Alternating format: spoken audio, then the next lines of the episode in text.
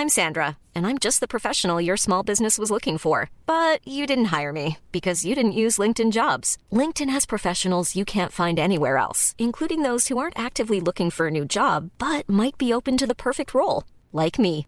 In a given month, over 70% of LinkedIn users don't visit other leading job sites. So if you're not looking on LinkedIn, you'll miss out on great candidates like Sandra. Start hiring professionals like a professional. Post your free job on linkedin.com/people today. Hi, I'm Daniel, founder of Pretty Litter. Cats and cat owners deserve better than any old-fashioned litter. That's why I teamed up with scientists and veterinarians to create Pretty Litter. Its innovative crystal formula has superior odor control and weighs up to 80% less than clay litter.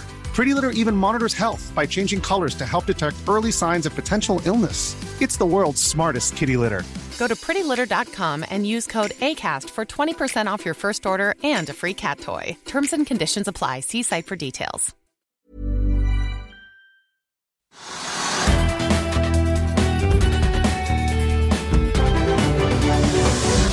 Velkommen til Økonominyhetene tirsdag 18.1, der hovedindeksen er ned nesten en halv prosent etter et fall på 0,1 i går, og det er rødt rundt oss på børsene i Europa. Nordsjøoljen den stiger videre opp i dag, 1,2% i spotmarkedet til 87 dollar og 60 cent. Og vi må spole tilbake til en topp vi hadde i 2018 for å se noe lignende i dollar, og helt tilbake til 2014 for å virkelig se noe lignende. Den gangen var jo oljeprisen på full fart eh, på vei nedover. Eh, I går kom jeg i skade for å si at vi ventet på en åpning på Wall Street, men det var jo helt feil. For det er bare å beklage, for det var jo Martin Luther King Day i går. Men i dag skal vi få se hvordan de amerikanske børsene går etter det kraftige tech-fallet vi så på torsdag i forrige uke, med en liten innhenting på fredag.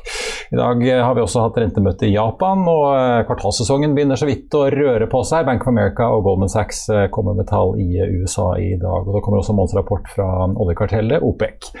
I dagens sending skal vi snakke med sjefen for Observe Medical, som er ute på handletur og skal hente penger i kapitalmarkedet. Og vi skal også få teknisk analyse av Protektor forsikring. I dag annonserte norske myndigheter at uh, oljelisensrunden TFO 2021 er tildelt. Det er altså én av to ulike lisensordninger på norsk sokkel. Og 28 av de 31 selskapene som søkte, fikk tilbud om totalt 53 lisenser, fordelt på 28 i Nordsjøen, 20 i Norskehavet og 5 i Barentshavet. Vi ser altså at det er en viss tyngde mot mer kjente og modne områder. Du kan også gå inn på fa.no-tv og se intervjuet vi hadde med oljedirektør redaktør Ingrid Sølvberg her i slutten av forrige uke, der hun la frem sokkelåret, den årlige prognoserapporten fra Oljedirektoratet. En av de store taperne i dag er inkassofirmaet Xactor, som i går kveld slapp en oppdatering på fjerde kvartal. Den aksjen er ned nesten 12% til 6,5 kroner aksjen. Xactor varsler at de må skrive ned porteføljeverdiene sine med 428 millioner kroner. Fjerde kvartal blir dermed det dårligste kvartalet for inkassoselskapet noensinne. Meglerhuset DNB Markets nedgraderer aksjen i dag eh, fra kjøp til hold. Norske Skog eh, ligger opp eh, snaue 4% til 42,70 i dag, etter at Pareto oppjusterte sitt kursmål på aksjen fra 60 til 70 kroner, opprettholder sin kjøpsanbefaling. Før vi går videre i sendingen, så vil jeg bare minne om at hvis du ikke du rekker å se denne sendingen, så kan du også høre den som podkast ved å søke opp Økonominyhetene på Spotify, Apple Podcast eller ved å gå inn på fano-podkast. Og Da har jeg fått uh, Trygve på plass her i studio. og Trygve, kanskje vi skal begynne, før vi kaster oss over oljeprisen, kanskje vi skal begynne med noe som uh, jo skal være fremtiden, virker det som, nemlig havvind. Men uh, det er ikke bare bare for de som driver med det på Oslo Børs i dag?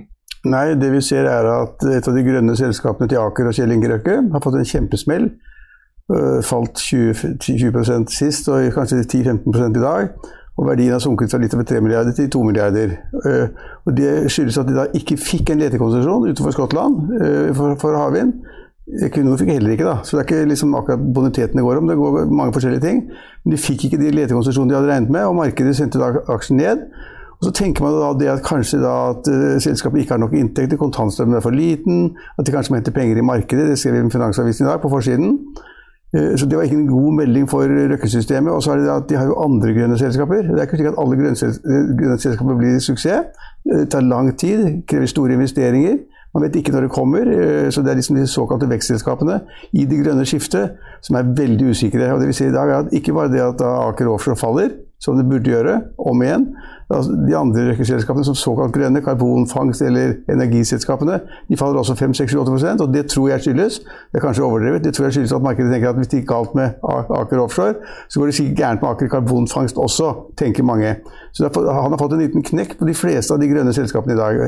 Men det har vært veldig liksom, ulik utvikling. Eh, Aker Clean Hydrogen og Offshore Wind har jo slitt, mens eh, Carbon Capture, dette karbonfangstselskapet, har jo egentlig gjort det relativt bra, eh, hvis man ser på utviklingen litt over tid? Ja da, men de siste, år, siste halvåret så har jo de fleste av røykeselskapene falt 40-50% og det, du kan jo ikke gjøre det verre enn det. Nei, det og det er fordi at For det første blir det solgt inn da med fine presentasjoner. Fremtiden der Norge, der Norge, skal satse på hydrogen, skal vi, vi, skal satse på havvind, vi skal satse på karbonfangst. Alle skal gjøre det. Regjeringen har sagt at vi skal gjøre det. De skal liksom finansiere det og støtte det og gi subsidier til det. Så alle har vært veldig optimistiske. og så Plutselig så kommer da liksom det går kanskje ikke så lett. Når Røkke ikke fikk konsesjon til å utvide havvind på, i Skottland, hva da med Norge? Ja, Norge, ja, når kommer det? Når blir det utlysninger på norsk sokkel? Ikke vet jeg, og det tror jeg ingen andre vet heller. De har fått regjeringsskifte. De er veldig uenige om de skal tillate sånne såkalte hybrid, hybridkabler fra da sånn, Fra Norge til vindmøllene og til kontinentet? Nettopp. Ja. altså Hvis du har en kabel fra Norge til vindmøllene og så videre til Tyskland eller et annet sted, det vet man ikke om man vil innvilge i det hele tatt. Altså Altså Alt er satt litt på vent. Ikke for mange tiår, men alt er satt litt på vent. Noen måneder, kanskje et par år. Og da går kursene ned. For dette ligger inntektene ligger i fremtiden, og den renten ikke sant, den øker for tiden. Og det er ikke bra for da fremtidsinntektene, som blir lavere i nåverdi. Så jeg tror at hele markedet har funnet at dette gikk litt for fort, det er ikke godt nok. Og Røkke fikk smellen. Ja. Og han fikk smellen i går, han fikk smellen i dag. Men noen gjør det jo veldig bra. Vi så eh, Magnora steg jo 18 i går. Gamle Sevan eh, Marin, som har blitt, også blitt et sånn grønt selskap, de vant jo frem i denne auksjonsrunden i Skottland. De, de, de vant frem, og da, for, altså, da betalt for det på børsen, selvfølgelig. Ja. Man vet jo ikke hva de inntektene blir. men altså altså, det som er mitt hovedsyn Det skal ikke være i drift før i 2030, så de skriver, Nei, så det er en altså, stund til. Ja. Mitt syn er jo det at inntektene er langt frem i tid. altså Vi snakker om 10-15 år. Det tar liksom 10 noen, noen, mange år å bygge opp et felt da, etter at man har fått tildelt eh, konsesjon til å drive på det. slik at Det er kjempekostbart, og så er inntektene usikre. Hva får man for vindkraften om 10 eller 15 år, og hva, hva får alternativer da energibærer? slik at det, det er kjempeusikkert. Jeg, jeg, mener det er bra. Jeg. Markedet har skjønt nå det, det blir ikke så lett, det blir tøffere. Og så må selskapene, når de presenterer seg i markedet, så må de være litt mer konservative, litt mer forsiktige, og ikke ta liksom, de store ord eh, inn over seg. og og jeg, jeg, jeg synes det, altså, Aker Offshore Vind er på en måte, det høres veldig fint ut. Nå er det et ganske relativt lite selskap da, med et par milliarder i, i market cap. Men det vil smitte opp på de andre aksjeselskapene. Hvis jeg, tok opp listen og viste det nå, så vil jeg si at det er ned litt overalt, fordi folk er usikre. Det spekuleres jo veldig om hva Aker eventuelt vurderer å gjøre nå. Om det blir emisjon, eller om de skal slå dette inn i Aker Horizons, eller hvilke grep de skal ta. Det er, det er vel mange som følger med nå? Mange følger med, men man vet jo ikke så godt hva han vil gjøre. Så Røkke har jo masse gode finansielle rådgivere, både ansatte og konsernsjefen også. De, han, de er smarte, de snur seg rundt, de gjør nye ting. Så om de vil hente mer penger i Aker Offshore og i de andre, i de andre selskapene, det vet man ikke. Men så kan de snu seg rundt og fusjonere med noen. Og, ja, altså, de er finansielt sterke, og så er de ganske gode til å snu seg rundt og finne nye løsninger. Og så selger de de løsningene veldig godt inn i markedet til høye priser hittil. So far, so good. Vi må så. snakke litt om uh, oljeaksjene. Store vinneren blant de mest omsatte i dag, Aker BP, oljeselskapet stiger over 6 uh, nå. Vi ser Equinor er opp, uh, oljeselskapet DNO er opp. Uh, Okea, altså det er jo en veldig solid oljepris. Ja, altså Det som skjer nå, det er jo veldig interessant for Norge, så, altså Norge AS, og også for da olje og oljeservice. fordi at oljeprisen er nå, du nevnte altså 87-56, men den har vært oppe i 88 dollar på fat. Mange syns det er en høy oljepris. Noen andre sier at liksom, oljeprisen vil bare øke og øke, for de sier at tilbudssiden fra OPEC er altfor lav. OPEC-landet klarer ikke å bli enige om hvor mye de skal produsere, på hvilket tidspunkt de skal produsere.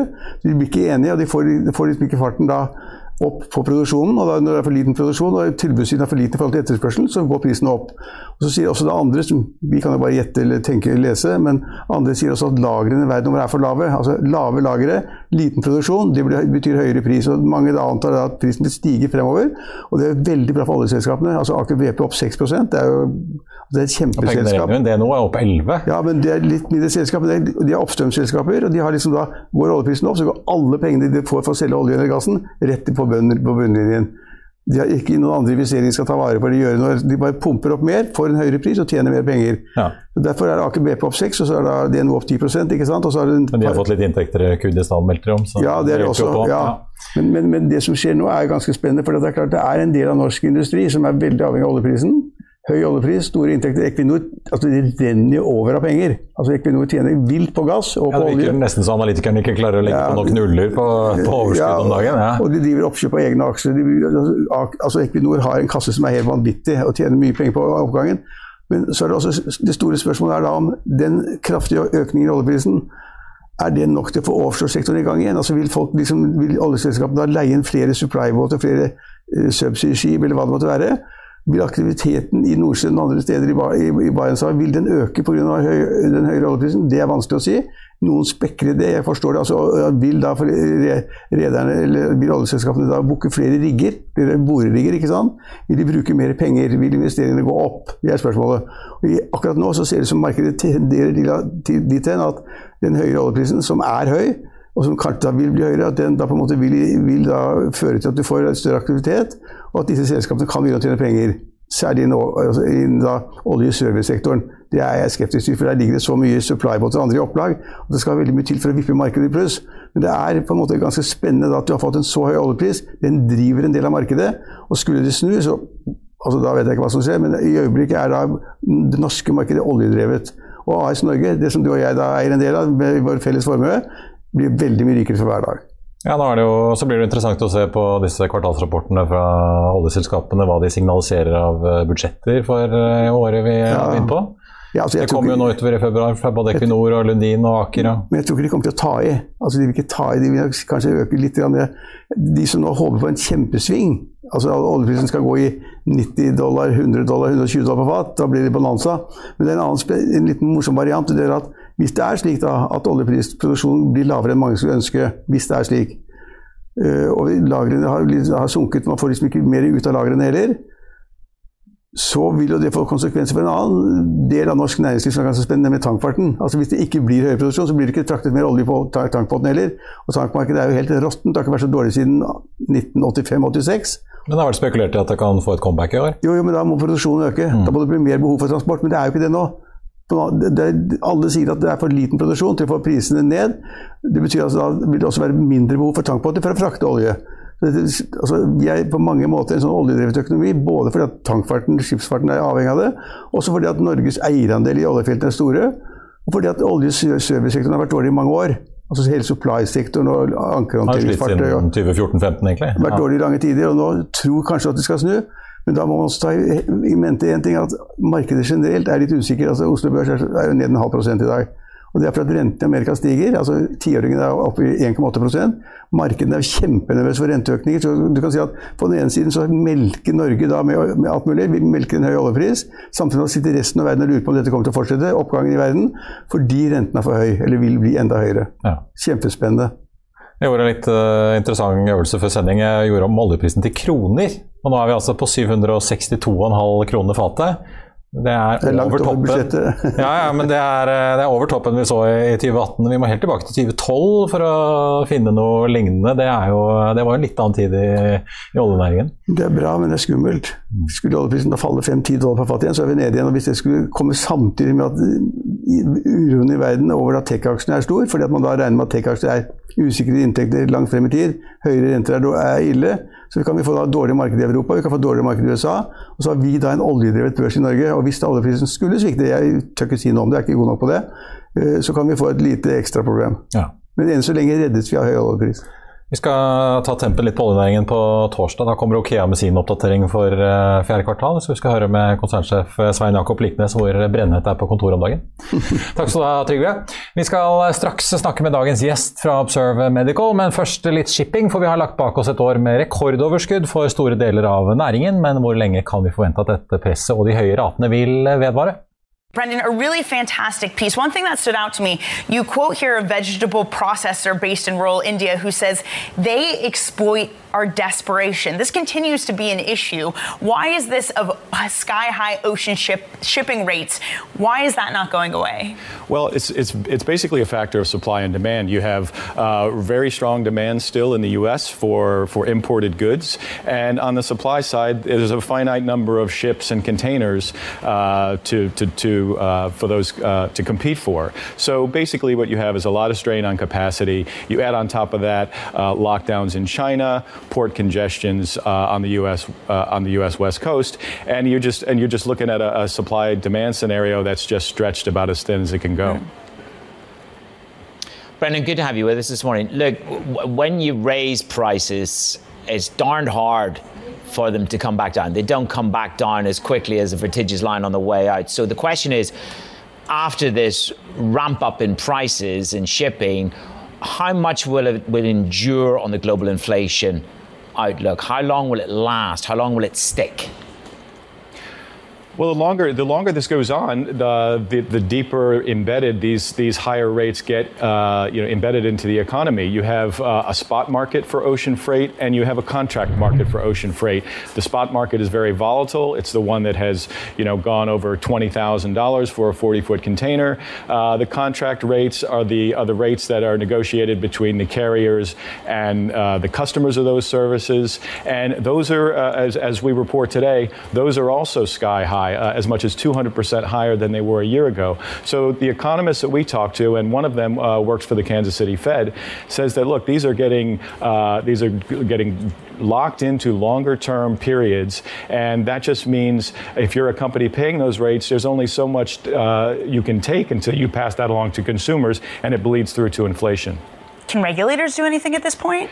Well, it's, it's interesting. The U.S. and the European Union uh, uh, monitor the container carriers to make sure that there aren't any sort of uh, antitrust uh, rules that are broken, and they haven't found any to the to, uh, at this stage. I'm Sandra, and I'm just the professional your small business was looking for. But you didn't hire me because you didn't use LinkedIn jobs. LinkedIn has professionals you can't find anywhere else, including those who aren't actively looking for a new job but might be open to the perfect role, like me. In a given month, over 70% of LinkedIn users don't visit other leading job sites. So if you're not looking on LinkedIn, you'll miss out on great candidates like Sandra. Start hiring professionals like a professional. Post your free job on linkedin.com/people today. I'll see you in court. Vi sier det ofte litt på spøk, men for deg som driver business, er det aldri moro å innse at du ikke har laget en 100% gyldig kontrakt. Du bør ikke risikere hele firmaet ditt fordi du synes dette med kontrakter er litt stress. En avtale er ikke en avtale. Du kan miste kunder, miste venner, ja, til og med miste inntekter om du ikke lager en skikkelig kontrakt, på alt mulig, egentlig. Men vi vet det er et styr kopimaskiner, tregprinter og haugevis av papir. Dessuten stoler vi jo på folk her i landet. Det er ofte litt kleint å skulle be om en signatur for alt mulig, ja, for mye av styret handler også om jakten på underskriften. Det finnes en enkel måte å løse dette på, Dukkobit, en trygg, effektiv og get this, gratis måte å sikre seg en god natts søvn pluss en juridisk bindende avtale. Dukkobit-appen har de strengeste sikkerhetskrav i bunn, samt en EU-godkjent og sertifisert teknologi. Framover vil det bli behagelig å spørre du, skal vi skrive under på det, eller? Kom i gang på dukkobit.no. Uh, but they're continuing to monitor it. Uh, but a lot of uh, uh critics would say that they don't really have the tools uh, to come down hard on the carriers if they do find uh, that there's some behavior that's anti competitive going on. Da skal vi over til eh, Biotech, for selskapet vi nå skal snakke med har omtrent gått firegangen siden børsnoteringen i november for drøye to år siden, og er nå på pengejakt for å finansiere et oppkjøp eh, som skal gi dem innpass på den andre siden av Atlanterhavet. Men hvordan har de egentlig tenkt å nå målet sitt om å øke omsetningen fra noen få millioner til over en milliard? Eh, velkommen til deg, Bjørn Larsson, sjef i Observe Medical. Takk skal du ha. Du, på, uh, vi har jo snakket mye biotek, egentlig. og Det siste, ja. det begynte jo litt med Vaxibody, og Nyco Therapeutics, som virkelig fikk nok en sånn storavtale globalt. Og så hadde vi Lytix Biofarma her rett før jul. Nå er det dere som er på oppkjøp igjen. Ja. før vi snakker om det, kan ikke du fortelle litt hva er det dere i Observe leverer for noe? Ja, vi verker verkar inom det, den delen av life science som kalles medtech. Ja. Och eh, Observe Medic, eh, Medical, vi er en medtech-plattform eh, med global ambition og reach og med organisk tillväxt og også tillväxt gjennom eh, målinriktade M&As. ja. Men dere leverer altså det et uh, digitalt urinmålesystem? Ja, ja. Och vi, så her var det, vi skildes ut fra uh, Navamedic i slutet av 2019 og fikk då en mye tydelig strategi som har följt siden dess at uh, kommersialisere globalt våre patenterte, innovative Medtech-løsninger. Uh, og Zippy som du nevner her, Ja. er den Ja, for det, er det, det er det produktet heter? Ja, just det. Det er den första, det är vår egen patenterade produkt och det är den, den helt unik eh, digital automatiserad urinmålningssystem som ersätter all eh, manuell urinmålning på alla intensivvårdsavdelningar eh, världen över. Ja, for Dere selger dette på sykehus i Norden, Ja. Tyskland, eh, så dere har begynt å selge i Romania. altså En rekke land rundt i Europa. Begynt i Italia. Ja, Ja. Det, det stämmer. Och vi har fin, det är en stor marknad. Eh, För det, den här urinmålningen sker på alla patienter dygnet runt, varje timme. Så det är en gigantisk marknad och vi har fin tillbakamelding. Vi är ju ett ungt bolag och i klinisk utrullning nu med fantastiskt fin mottagande på våra referenskunder. Så vi ser med tillförsikt framåt. Ja, for jeg så i det siste regnskapet deres, så det er jo, det er jo altså en stor sektor. 400 000 sånne intensivsengeplasser rundt i verden, sier dere. Ja. Og hvis man skal utstyre alle disse her med, med denne måle, målesystemet deres, så er, trengs det fort ikke bare disse enhetene, men også bare 30 millioner sånne poser som skal kjøpes i året. Ja, så det blir litt skala hvis dere slår gjennom her. Ja, precis. Og vi tilfredsstiller et veldig tydelig klinisk behov. Og det er viktig å si det også att med vår verksamhet så har vi väldigt tydligt arbetar under våra kärnvärden. eh, Som vi kallar patient outcome, alltså resultat från behandlingen, ökad eh, hälsoekonomi och mycket bättre data för kliniska beslut. Och Sippi tickar verkligen alla boxarna eh, där. Vi må snakke litt om en melding Ja. som da kom på, eh, på fredag. Eh, For dere skal altså da kjøpe opp norske Beam Ultrasound, for, som da verdsettes til dette oppkjøpet til 185 millioner kroner. Eh, For, forklar litt sammenhengen, for de driver jo da på en måte med hva skal man si, ultralyd for å, for å guide nålestikk og sånn på, på behandling. Det er også et norsk selskap. Eh, Hvorfor akkurat eh, de? Ja, til å begynne med, først og fremst det här eh, acquisition av Beam, oppkjøpet, det er en virkelig game changer. og vår våran exaltation över det här ska jag förklara. Dels är det en fantastisk produkt som du precis eh, berättade. Och den passar så väl in på vår strategi. Vi sa att minska komplikationer och onödigt lidande och ökad värde för vården. Och det gör ju BIM också. Genom att undvika nålstick som hamnar fel och som kan orsaka lidande för patienter och ökade kostnader för eh, vården. Så liknar det väldigt mycket SIPI och passar väldigt väl in i, i eh, vår strategi. Och dessutom så i vår eh, kommersiella strategi så arbetar vi med hemmamarknad med Norden och distributörer och partnership i Europa, USA och andra regioner. Och Beam är just nu i kommersiell utrullning i USA och med några verkligt fina avtal tillsammans med ledande, bland annat inom dialys, levande leverantörer. Och på så sätt får Observe Medical direkt tillgång till den viktiga, viktiga USA-marknaden. Och till slut så kommer Beam in med en fantastisk mängd distributörs och partnerrelationer som det sammanlagda bolaget med vårt kombinerade portfölj kan dra nytte av for å øke den kommersiella kraften eh, globalt. Dere skal kombinere disse produktene, eller er det det som er planen? Ja, Altså eh, Rent sånn teknisk at dere skal selge dette som én løsning? Nei, nei. Eh, ikke direkt. Men vi har, ikke direkt, men vi har liknande kunder ute på sjukhusen. Vilket innebär at vi kan effektivisere försäljningen. Både direkt mot kund, men också när vi då närmar oss våra distributörer och partners som ofta har både urinmätning och ultraljud i sin portfölj. Eh, eh, Men det er altså det der at de er til stede i det amerikanske markedet. Dere er jo da begynt å bli ganske store i, rundt i Ja. flere europeiske land, eh, så får dere da en krysning på dette her. Ja, ja. Men det er jo eh, kjent i legemiddel- og helseverden at offentlige godkjenninger er jo helt sentralt. Er det sånn at dere da trenger godkjenninger for å da ta Beam til Europa, eller er det noe dere kan på en måte begynne med fra dag én? Ja, eh, det er helt riktig at man behøver en eh, regulatorisk eh, approval. Og Der drar vi nytte av Observe Medicals stora og djupa kunnskap om det europeiske regulatoriske nettverket og approval. Så der kan vi påskynda Beams lansering i Europa. At dere bruker den erfaringen Ja, dere har med ja, å få ja.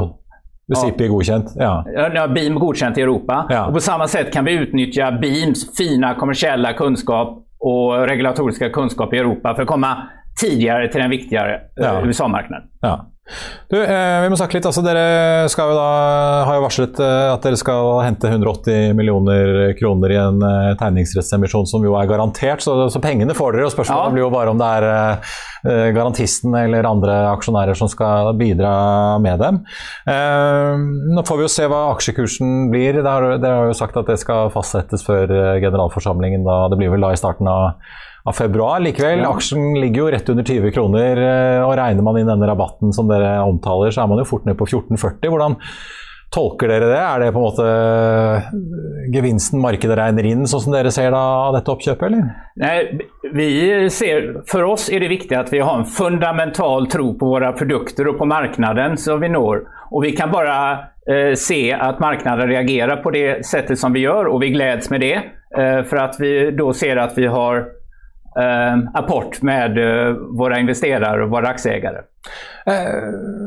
Cash, altså kontantdelen av dette oppkjøpet, er jo på da 50 millioner. Så hvis man trekker det ut fra de 180, så sitter dere igjen med rundt 130 millioner eh, fra emisjonen. Eh, hva skal dere bruke de eh, pengene på? Og hvor langt eventuelt holder de driften gående fremover?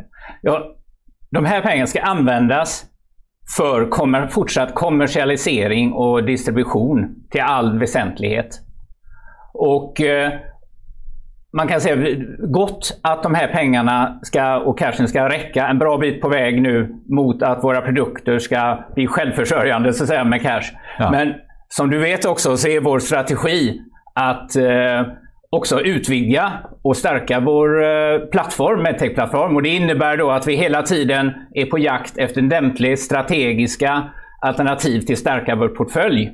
Så den, eh, med säkerhet så kommer vi eh, att be marknaden söka mer penger så småningom. Ja, Men det kan bli flere oppkjøp også Ja, hvis dere kommer ja. over selskapet. Men er det, er det ting som kan komplementere de produktene dere har, eller hva, hva er det dere ser etter som, eh, når dere skal, skal dra på shoppingtur? Ja, ja, absolut så skal det passe vår eh, strategi som vi har berettet om. Og Sen finnes det en viss mån av opportunism også når man ser en uh, mulighet, Men med Beam er et veldig godt eksempel på en an, faktisk en annan eh, medicinsk applikasjon som ändå passar så fint inn strategisk. Jeg må høre litt, altså Dere omsatte jo da Nå har dere jo ikke kommet med resultatene for fjerde kvartal ennå, men eh, vi har jo regnskapet til og med da tredje kvartal i fjor. og Da solgte dere jo for litt over 20 millioner kroner. Men så sier dere at dere har et mål om å omsette for 1,1 milliarder. Eh, halvparten, eller rundt 500 millioner, skal komme fra, fra som dere jo har fra før. Eh, 500 millioner fra, fra denne løsningen fra Beam, som dere kjøper nå. Eh, samt 100 millioner til eh, fra andre produkter i, i porteføljen. Eh, fortell litt om den veien. Det er jo et stykke fra 20 millioner til 1,1 milliard. Ja, og på din fråga. først og fremst så ser vi at vi fyller et veldig tydligt behov hos, våra, hos vården og for våre eh, patienter.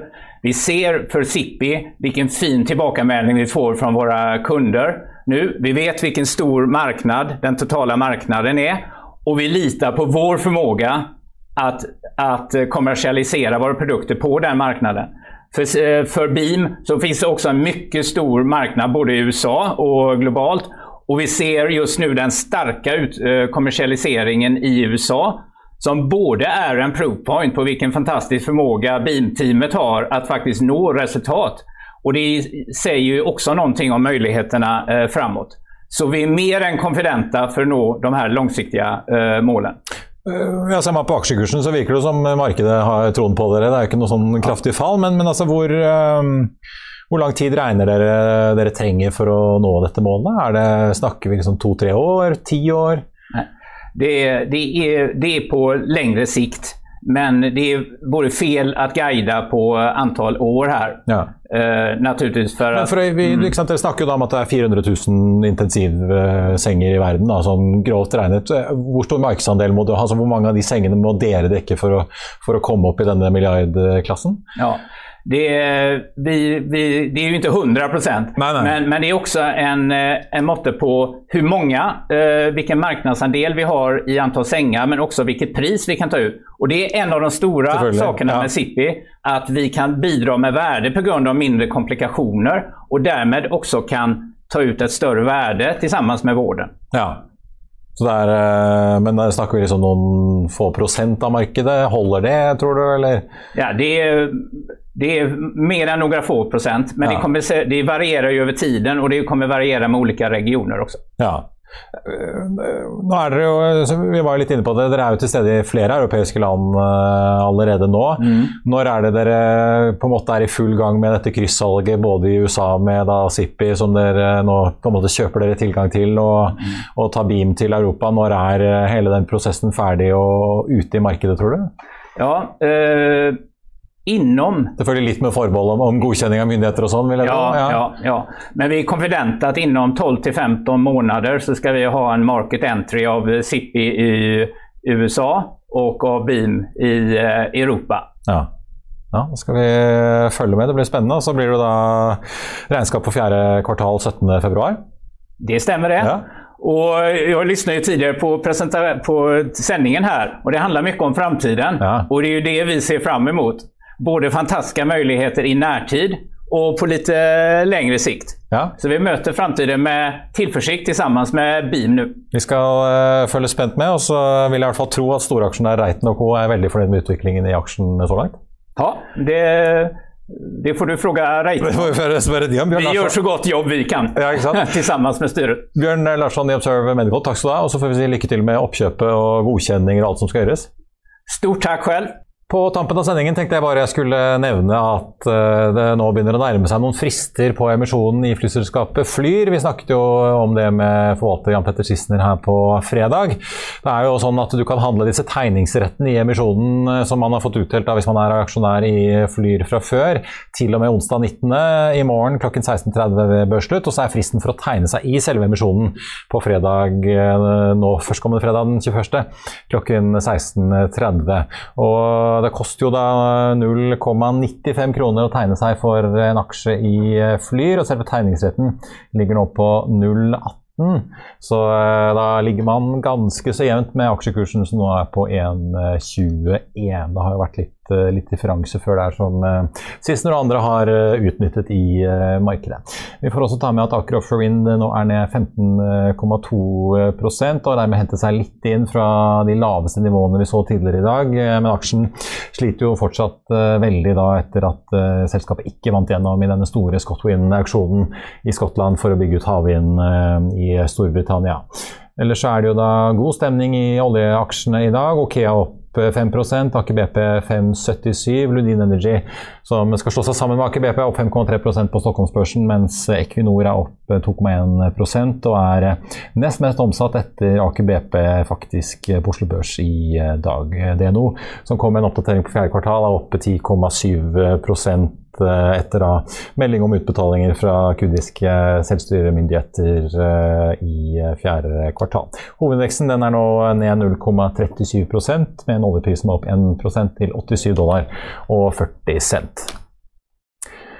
Som om ikke dyrere strøm, bensin, høyere rente og økt skatt for de som tjener over 700 000 var nok, så skal også drosjene bli dyrere. Det skriver Trygve Hegnar om i sin leder i Finansavisen i morgen. I avisen kan du også lese om Instabox, som sluker eh, sin konkurrent eh, Porterbuddy i nettshoppingleveransemarkedet. Og det ble også børsintervju med DNB-megler Gjermund Bråten, og ikke minst en sak om at eh, den tidligere Protektor-sjefen har begynt å selge unna aksjer. Det er også en liten sak om en mopedbilgründer som henter penger. Det var det vi hadde for i dag, men vi er tilbake i morgen klokken 14.30. I mellomtiden får du som alltid siste nytt på fa.no. Mitt navn er Marius Lorentzen. Takk for at du så på, og så håper jeg vi ses igjen i morgen.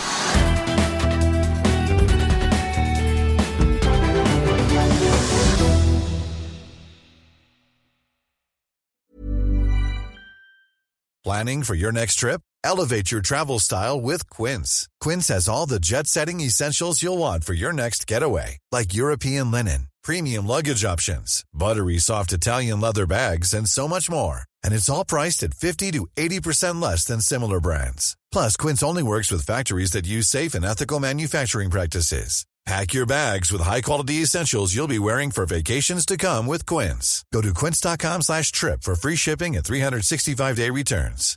Hi, I'm Daniel, founder of Pretty Litter. Cats and cat owners deserve better than any old-fashioned litter. That's why I teamed up with scientists and veterinarians to create Pretty Litter. Its innovative crystal formula has superior odor control and weighs up to 80% less than clay litter. Pretty Litter even monitors health by changing colors to help detect early signs of potential illness. It's the world's smartest kitty litter. Go to prettylitter.com and use code ACAST for 20% off your first order and a free cat toy. Terms and conditions apply. See site for details. Økonominyhetene er en podkast fra Finansavisen. Programledere er Marius Lorentzen, Stein Ove Haugen og Benedikte Storm Bamvik. Produsenter er Lars Brenden Skram og Bashar Johar. Og ansvarlig redaktør er Trygve Hegnar.